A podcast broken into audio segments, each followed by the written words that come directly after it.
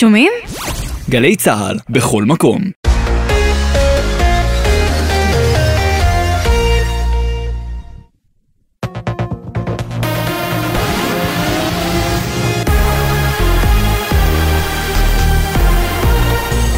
גלי צה"ל שעה שבע, ערב טוב, באולפן ליהי שפרבר, עם מה שקורה עכשיו. המתיחות ביחסי ישראל-ארצות הברית. סגנית נשיא ארצות הברית, קמלה האריס, אמרה כי היא מודאגת מהמתרחש בישראל. מדווחת כתבת חדשות החוץ, שחר קנוטובסקי. בתגובה לשאלה הנוגעת להתפתחויות האחרונות בישראל, אמרה האריס כי לשתי המדינות יש קשר עמוק וארוך, המבוסס על ערכים משותפים, גם על ערך הדמוקרטיה. היא סיפרה שמדינתה תמשיך לפעול לחיזוק היחסים עם ישראל, וכי בארצות הברית עוקבים אחרי המצב. חבר הכנסת מיכאל ביטון מהמחנה הממלכתי תקף את יחסי הממשלה עם ארצות הברית בשיחה עם ירון וילנסקי ואמר, מדינת ישראל הופכת למוקצה בגלל החקיקה המשפטית. תוך ארבעה חודשים מחרבים את מעמדנו בארצות הברית ובבירות אירופאיות נוספות ואנחנו מתחילים להיות מוקצים מחמת מיאוס. הדבר הזה הוא תולדה של ההתפרעות המשפטית והזנחת כל נושא אחר חשוב במדינה. יש לנו יחסים חמים, אסטרטגיים וחשובים עם ארצות הברית ולא מהר הם יופרו. ייפגע הרצון הטוב לעשות יותר.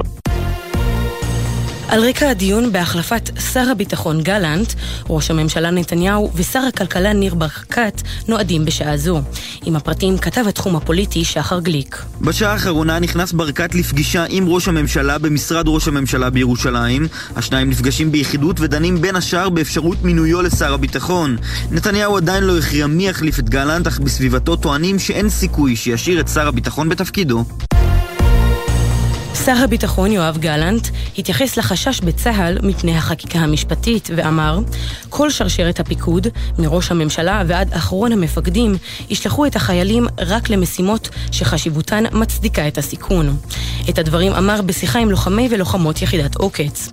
עוד הוסיף גלנט כי במשימות מבצעיות השיקול היחיד היה ויישאר מבצעי. מדבריו הביא כתבנו לענייני צבא וביטחון דורון קדוש. גבר כבן 58 נמצא ללא רוח חיים בביתו בפתח תקווה.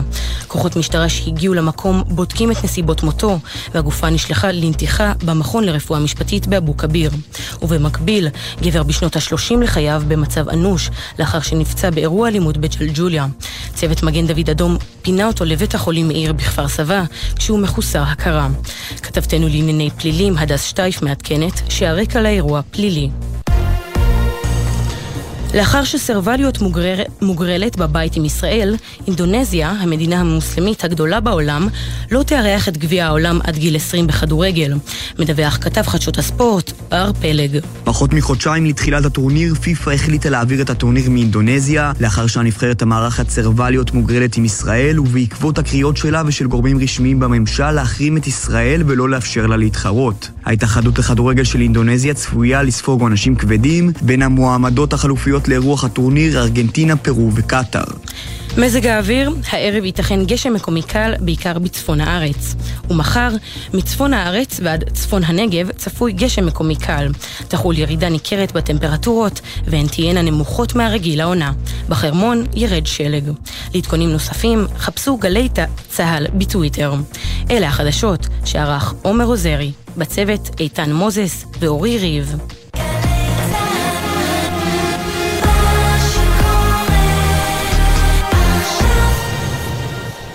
בחסות קרנות השוטרים והסוהרים, המזמינה אתכם למבצעי פסח. 40% הנחה ברשתות, שוברים, אטרקציות ומוצרים מסופסדים. הפרטים והתוקף באתר. בחסות פארמטון, מולטי ויטמין שוויצרי, שנבדק במחקרים קליניים, המציע שיפור ברמת האנרגיה במשך כל היום. פארמטון, להשקיע בעצמך, כמוסה אחת ביום. עכשיו בגלי צה"ל, עידן קבלר.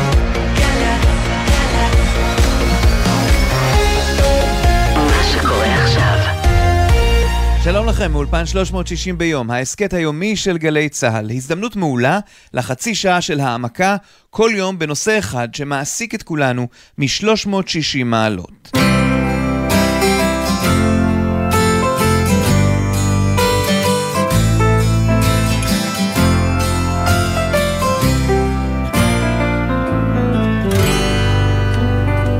מתחילות השיחות מתחילות במלמול חרישי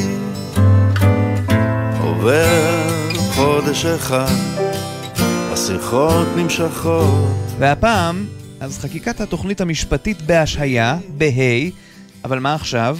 הצוותים נועדים עם הנשיא ומחפשים את המתווה למתווה, כלומר בעצם איך עושים משא ומתן, איך מגשרים על פערים וגם על הדרך איך מאחרים את הקרע בעם.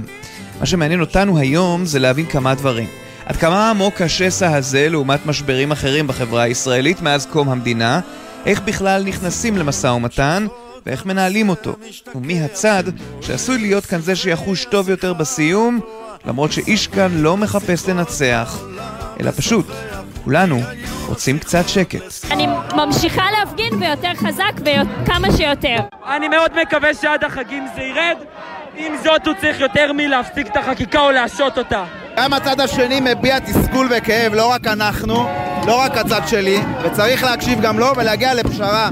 רפורמה בבית המשפט צריך שתהיה, אבל מה שהם עושים זה לא רפורמה. פותחים איתך אילן גאל דור, מנכ"ל ארגון גשר. איך היית מתאר את השסע בחברה הישראלית כפי שהוא נראה היום?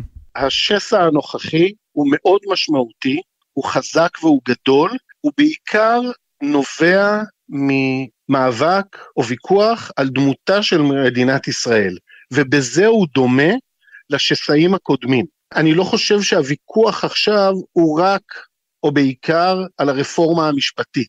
הרפורמה המשפטית הציפה ומעלה בצורה מאוד מאוד חדה את הפערים שיש בחברה הישראלית בדיון מהי דמוקרטיה. וזה יוצר את התחושה, האם המדינה שאני חי בה היום, ככה אני רוצה שהיא תהיה. אם נשווה את זה לתקופת ההתנתקות או לרצח רבין, גם שמה אנשים הרגישו שזה כבר לא קבוצות שוליים, ואנחנו נמצאים במדינה שהולכת לכיוונים שמאוד קשה לי איתם. לך ולא רק לך קשה. פרופסור תמר הרמן מהמכון הישראלי לדמוקרטיה והאוניברסיטה הפתוחה, איך בעצם הגענו עד הלום? זה לא תהליך פשוט. אה, מפני שזה גם רב שנים, אמנם זה התפתח בצורה יותר אקוטית אה, בעת האחרונה, אבל, אה, אבל זה שם. ויש לזה גם אה, אה, בסיסים אובייקטיביים, לא רק פרספטואליים, זה לא רק שאנשים חושבים אחרת, הם באים ממקומות אחרים, יש להם תפיסות עולם אחרות, יש להם חזון אחר למדינה, יש להם העדפות שונות לגבי המשקל בין היהודית לבין הדמוקרטית למשל, כך שזה לא שזה פשוט בואו נשב, נשתה קפה, ננגב חומוס ויהיה טוב. יש פה משהו עמוק מאוד. עכשיו, כמובן שהפתרון טמון בהנהגות. הנהגות מסוגים שונים, יכולה להיות הנהגה פוליטית, יכולה להיות הנהגה דתית, יכולה להיות הנהגה אינטלקטואלית, ובדרך כלל אלה התהליכים שמתחילים. כשמקבלים סיגנלים גבוהים מלמעלה, וכאשר אה, ישויות כמו מדינה מתחילות לעשות אה, פעולות כדי ליצור איזשהו קונצנזוס, אז אנחנו רואים לזה אחר כך השתקפות ברמת הציבור הרחב. זה כמו למשל כשחותמים הסכמי שלום, נכון? זה בדרך כלל בא על בסיס של עוינות אה, מאוד מאוד חזקה בין שתי הקבוצות. אבל כשיש איזשהו תהליך שמקבל את ברכת מי שנחשב ל- להיות בעל הסמכות וההבנה בנושא, אז אנשים מתחילים לחשוב מחדש על אמונות uh, קודמות שלהם. אז קחי אותנו לעולם, איך זה עבד שם? תיקח לדוגמה את בלגיה, שהייתה מחולקת, גם עכשיו מחולקת עדיין, בין הפלמים לבלונים, אבל הייתה תקופה משברית מאוד ארוכה, שהם אפילו לא הצליחו להקים ממשלה, אבל כאשר הוקמה הממשלה, היא עבדה הרבה על החיבורים, על מה הנקודות שאפשר להסכים. אחת הדרכים לעשות את זה, והיא דרך יחסית מסובכת, זה להגיע לכדי ניסוח של חוקה. לכן מתחילים לדבר עכשיו על מה שקוראים הרגע החוקתי או המומנט הקונסטיטוציוני. כי בחוקה אין התייחסות לשאלות אד-הוקיות, יש התייחסות לדבר החשוב וזה איך מיישבים חילוקי דעות. והשאלה היא לא, לא כל מי שיש לו יותר אמצעים כאלה ואחרים מכריע לטובתו, אלא מהם המנגנונים שמתווכים בין קבוצות שונות. ברגע הזה אצלנו אני לא רואה הנהגה, למעט אולי נשיא המדינה לצורך העניין, שאצלנו התפקיד שלו הוא יותר אה, טקסי, אבל עכשיו הוא כבר די חורג מהתפקיד לגמרי טקסי הזה, שמנסים באמת להגיע למצב הזה. להפך, אנחנו רואים את ההנהגה בצד של, של הנהגת המדינה מאוד uh, מחריפה את הרטוריקה שלה כלפי הצד השני, וניתן לומר שבמובנים מסוימים גם הצד השני החריף את הרטוריקה שלו כלפי הנהגת המדינה. אז בעצם אין לנו כאן את המנגנון בשלב הזה, שיצר איזשהו איתות פוזיטיבי לתהליך דיאלוגי. אז תכף ננסה להגיע למנגנון המדובר, אבל אה, רגע לפני המשא ומתן על החקיקה המשפטית, איך החברה שלנו אמורה להתנהל כעת, אילן גאל דור? אני חושב שהאתגר שלנו כחברה, לראות איך אנחנו לוקחים את הקבוצות השונות בחברה הישראלית ועושים שני מהלכים. אחד הוא מהלך של מהו המכנה המשותף שלנו. איפה אנחנו מסכימים שאלה הדברים שאנחנו חיים איתם ביחד, שהם הבסיס להכל. והדבר השני, איך אנחנו נותנים מקום לכל אחת מהקבוצות או הצרכים שיש לכל אחת מהקבוצות. זה תהליך מורכב וזה כל פעם עולה. עכשיו, לקבוע אמנה חברתית דרך חוקים היא תמיד בעייתית. תהליכים חברתיים לוקחים זמן, ותהליכים חברתיים צריכים לערב כמה שיותר מעגלים בתוך החברה. לשמוע ולהשמיע, זה לוקח זמן, זה תהליכים. רצח רבין הציף ונתן בסופו של דבר פלטפורמה, לצערנו היה צריך לקרוא כזה מקרה טרארגי, שבסופו של דבר הביא קבוצות רבות לבירור, לדיון. החלק האופטימי שאני מנסה לקחת מה, מהסיטואציה הנוכחית, זה שמשבר מביא להזדמנות, ובעצם החברה הישראלית רוצה בירור ורוצה כיוון יותר ברור, מה זה מדינת ישראל, מה אופייה של המדינה. אז בעצם איך מכניסים את הכל לכדי אירוע סדור ומדורג, כשיש צד אחד שרצה לעשות את זה בבום, שחזר אליו כבומרנג? תהליכים חברתיים צריכים לעבור תהליך חברתי. רוצים לעשות שינויים, צריך לערב את החברה, צריך לעשות את זה בתהליך. על ידי חוקים ועל ידי בתי משפט ועל ידי בית המחוקקים, זה לא הולך. העם לא יהיה מוכן להכיל את זה. מאוד קשה לכפות ולהשתמש בכוח השלטוני כדי לשנות אופי של מדינה או להחליט על אופי. לנצל כוח שלטוני כדי לכפות אופי של מדינה זה טעות. זה לא נכון, זה לא מתקבל, לא כך עושים תהליכים. ואנחנו רואים שהדברים האלה מתפוצצים לנו בפנים. אז בואו נעצור לרגע ונדבר על משא ומתן. אילו סוגי משאים ומתנים מדיניים יש, מדיניים או פנים חברתיים, והאם האו"ם נכנס לתמונה כשהדברים קורים בתוך חברה מסוימת פנימה? תמר הרמן? אז יש הרבה מאוד uh, מכניזמים לעשות את זה.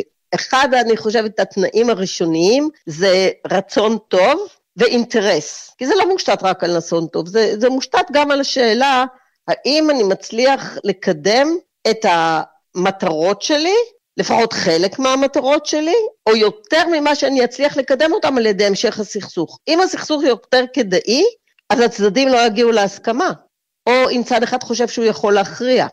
כי בדרך כלל אז אין לו אינטרס להגיע להבנות, כי הבנות פירושן מחיר, נכון? הוא יצטרך לשלם בשביל משהו.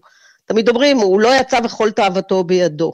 אז הנכונות צריכה להיות גם להגיע לפחות מהמקסימום הנשאף, אבל ליותר ממה שהסכסוך יכול להביא. ויש דרך נוספת ושונה להתייחס לדברים, כלומר לאיחוי שסעים ומשאים ומתנים, וזו תורת המשחקים. פרופסור רן סמורודינסקי, דיקן הפקולטה למדעי הנתונים וההחלטות בטכניון, הוא מומחה לתורת המשחקים. אולי קודם כל תסביר לנו, מהי תורת המשחקים? תורת המשחקים משתמשת במודלים מתמטיים לברר אה, סוגיות חברתיות שנוגעות באינטראקציה בין מקבלי החלטות. ואיך המחאה, או יותר נכון המתח בין המחאה לממשלה, בא לידי ביטוי דרך תורת המשחקים? כבר אני רוצה לתאר אה, איזשהו משחק שווה בנפשך שני אנשים שעכשיו מתווכחים איך הם מחלקים עוגה. האחד מציע הצעה, השני מקבל את ההצעה, ואז העוגה נחלקת ביניהם, או לא מקבל את ההצעה, ואולי מציע הצעה קונטרה, ואז הראשון צריך להחליט אם הוא מקבל את זה וכך הלאה. מין משחק מאוד פשוט של הידברות, שבהם כל פעם צד אחד מציע הצעה, צד שני מחליט אם לקבל או לדחות, והיה והוא מקבל, המשחק נגמר, שני הצדדים מכריזים על חלוקת העוגה המוסכמת, והיה והוא לא מקבל, אז הוא מציע הצעת קונטרה. הוא נקרא משחק המיקוח. ככל שהשחקנים מתקדמים, העוגה במובן מסוים הולכת ומצטמקת. אנחנו מבינים היום שהמלחמה הזאת בין המחאה לבין הממשלה אה, מזיקה מאוד לחברה הישראלית.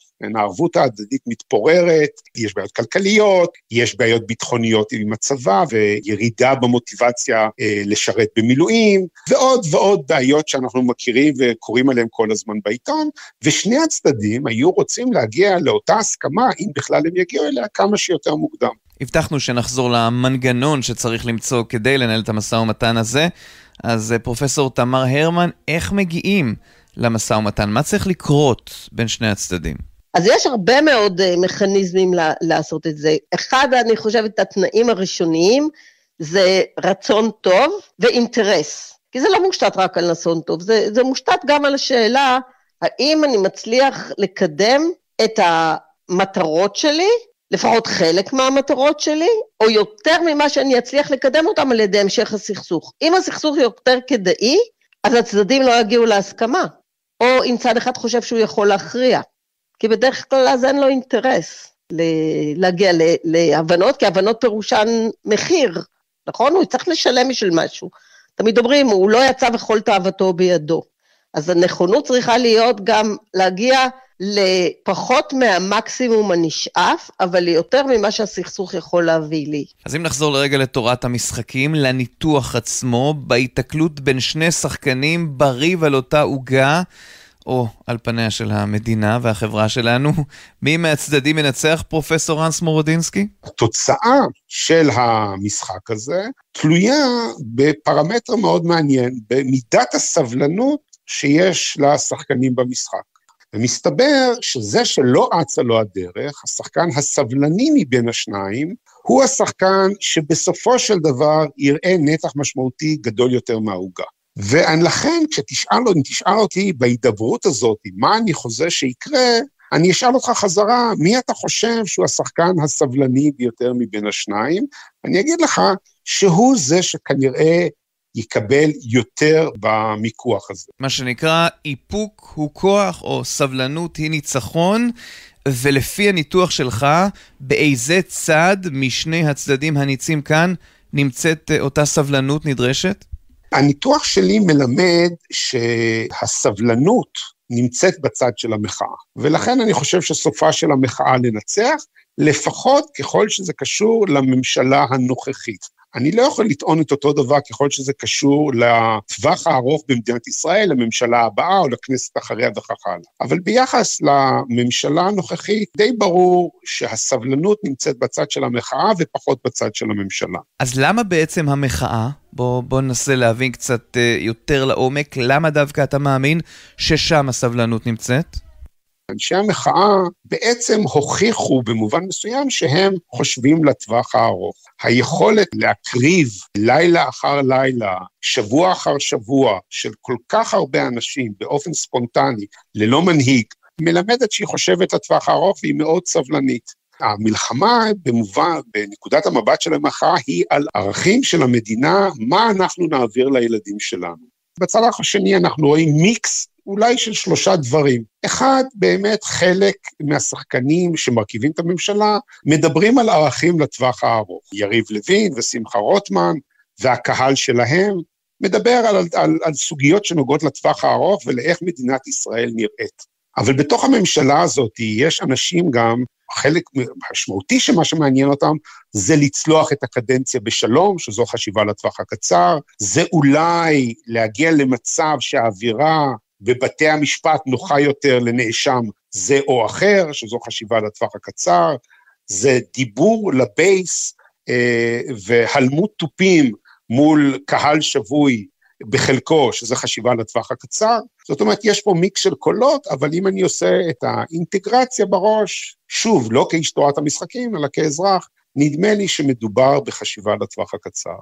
מה שבאמת קורה בשטח לטווח הקצר הוא כזה, שני הצדדים מחזיקים בסוג של אקדח טעון, אני יודע שההגדרה הזאת לא תהיה מקובלת על אף אחד מהם, אבל בואו בוא נשים לב. המחאה מצד אחד ממשיכה, ומנגד, וזה אולי האקדח הטעון ממש, הממשלה עם החוק לשינוי הוועדה לבחירת שופטים, העניין הזה מונח על שולחן הכנסת, לקריאות שנייה ושלישית בדקת קריאה אם תרצו, ממש נכון לשעת כושר, ברגע שהם ירצו הם יכולים לעשות את זה מיד. אז מה עושים, אילן גאל דור? אם אני הייתי יכול לשלוט במצב, הייתי אומר להם לא לעשות uh, השעיה והאקדח נמצא על השולחן. קודם כל קחו אוויר ותביאו אנשים, ליצור כמה שיותר מעגלים, כמה שיותר שיח, פנים אל פנים, של אנשים שהם מביני עניין והם בעלי עניין, מהפוליטיקה, מהאקדמיה, מהמגזר הציבורי, כדי שרעיונות יצליחו לחלחל פנימה, צריך לתת את הזמן, להסיר את האקדח מהשולחן. אני קורא לאנשים האלה, לפוליטיקאים, שחושבים קצר, חושבים סקרים, חושבים תקשורת, זה רק נזק.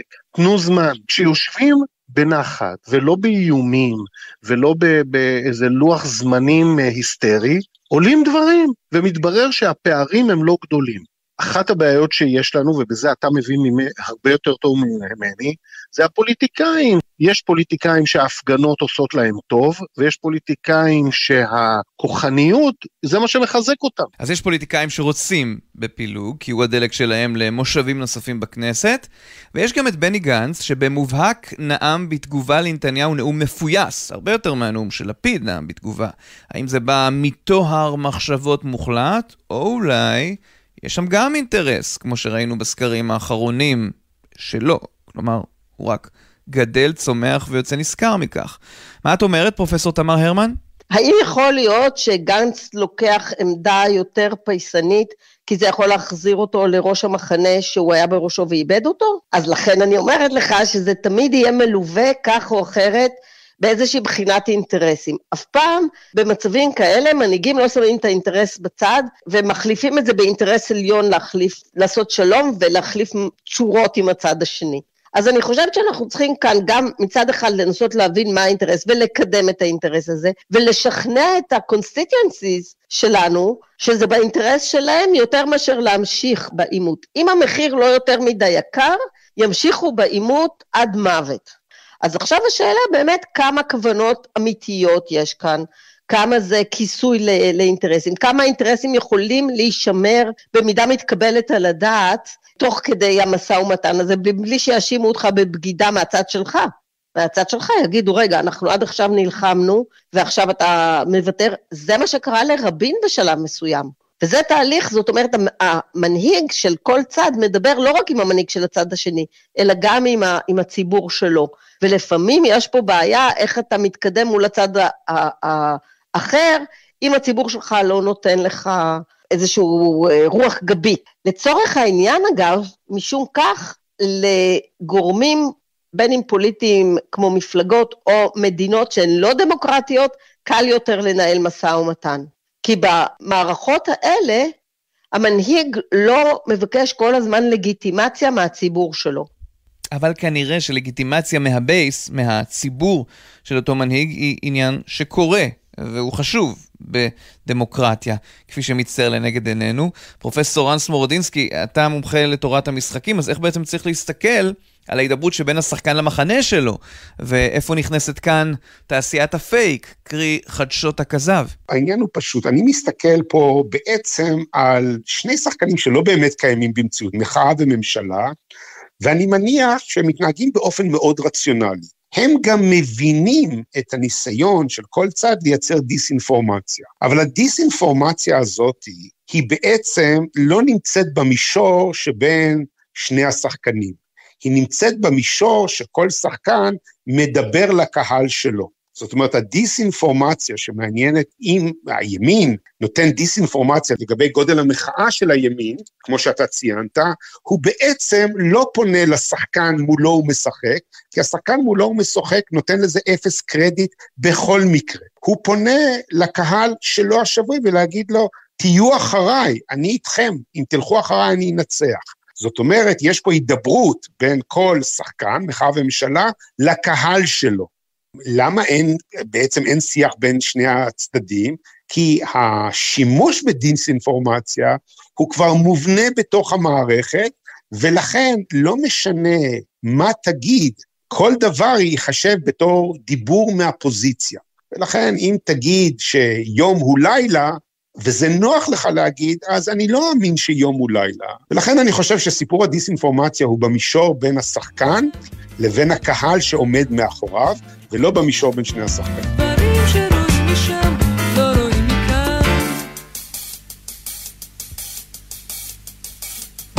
מה בעצם עבר לנתניהו בראש כשמצד אחד הוא השהה את החקיקה, בה' אני מזכיר לכם, ודיבר על הצורך באחדות, ומנגד דיבר על משפט שלמה, ולאחריו תקף בחריפות את הצד השני, ואף שיקר לגביו, יש לומר. לאילן גאל דור יש הסבר, אבל נקדים לכך תזכורת. כאן בירושלים התרחש משפט שלמה. שתי נשים באו לפני המלך שלמה, וכל אחת מהן טענה שהיא האימא האמיתית של אותו תינוק.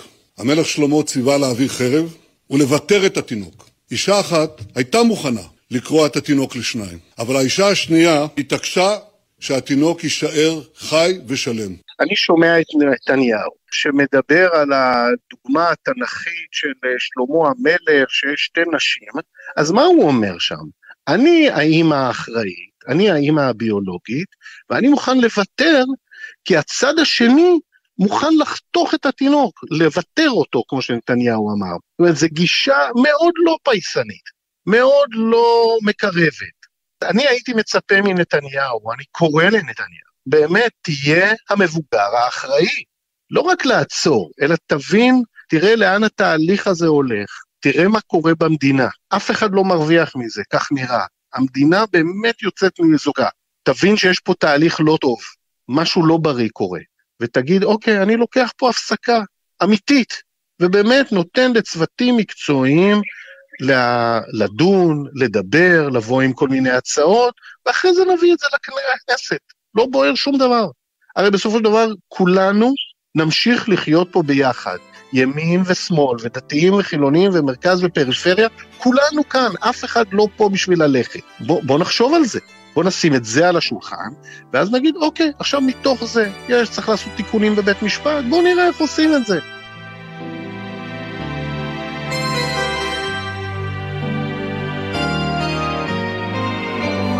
עד כאן 360 ביום, ההסכת היומי של גלי צה"ל. בכל יום, 30 דקות של צלילה לתוך נושא אחד שמעסיק את כולנו מ-360 מעלות. אנחנו זמינים לכם ביישומון גלי צה"ל ובכל יישומוני ההסכתים המובילים. ילד מצא קרן אור לחייו שעוטפת אותו ושומרת עליו ברגעים כאלו הניגון עוד נמשך העורך נמרוד פפרני המפיקים יונתן שגב ונועה ארז על הביצוע הטכני רועי אלמוס. בפיקוח הטכני עומר נחום. עורך הדיגיטל הוא רן לוי. אני עידן קבלר. שלום. עם אחד עם שיר אחד המנגינה לעולם תישאר. עם אחד עם שיר אחד, נשאיר לכם כי אתם לא לבד. כולנו בתקווה שנגיע וישמע העולם.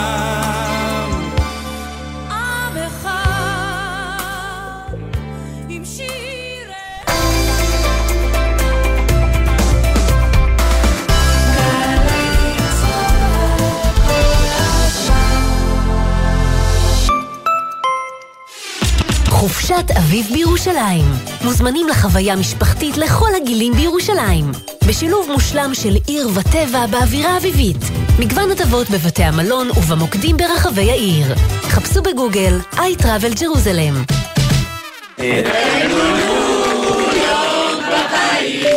רק במנוי פיס, בכל חודש 100 מנויים זוכים בטוח בחופשות זוגיות מהנות ומיוחדות בניו יורק ובברצלונה. כן, כן, בכל חודש. עוד אין לכם מינוי? להצטרפות כוכבית 3990 ובנקודות המכירה. מנוי פיס. המכירה אסורה למי שטרם מלאו לו 18. אזהרה, הימורים עלולים להיות ממכרים. הזכייה תלויה במזל בלבד, כפוף לתקנון. זכיות חייבות במס. שלום, אחינועם בר פה. מחקרים מראים שאדם מרגיש 13 סוגי רגשות כשהוא שומע מוזיקה. אני חושבת שאני מרגישה יותר. בואו איתי לשעה של שיטוט מוזיקלי, גדוש במוזיקה מכאן ומשם, חדשה וישנה, מרימה וממוטטת, שתגרום לכם להרגיש את כל הרגשות, יחד. ליקוטים עם אחינועם בר, מגזין מוזיקה מפה ומשם. מחר, תשע בערב, ובכל זמן שתרצו, באתר וביישומון גלי צה"ל. ספי ויניר פותחים את הבוקר. השאלה השנייה היא, הסברת לנו למה זאת הייתה טעות. שנייה, השאלה 17 שלך. שקט רגע, תן לי, אני בונה את האירוע. מיקי, הוא לא משתלט על הרעיון, אה, בחייאת? מיקי. הוא משתלט לך על הרעיון לגמרי, תכף נדבר. ספי עובדיה ויניר קוזין, ראשון עד רביעי בשמונה...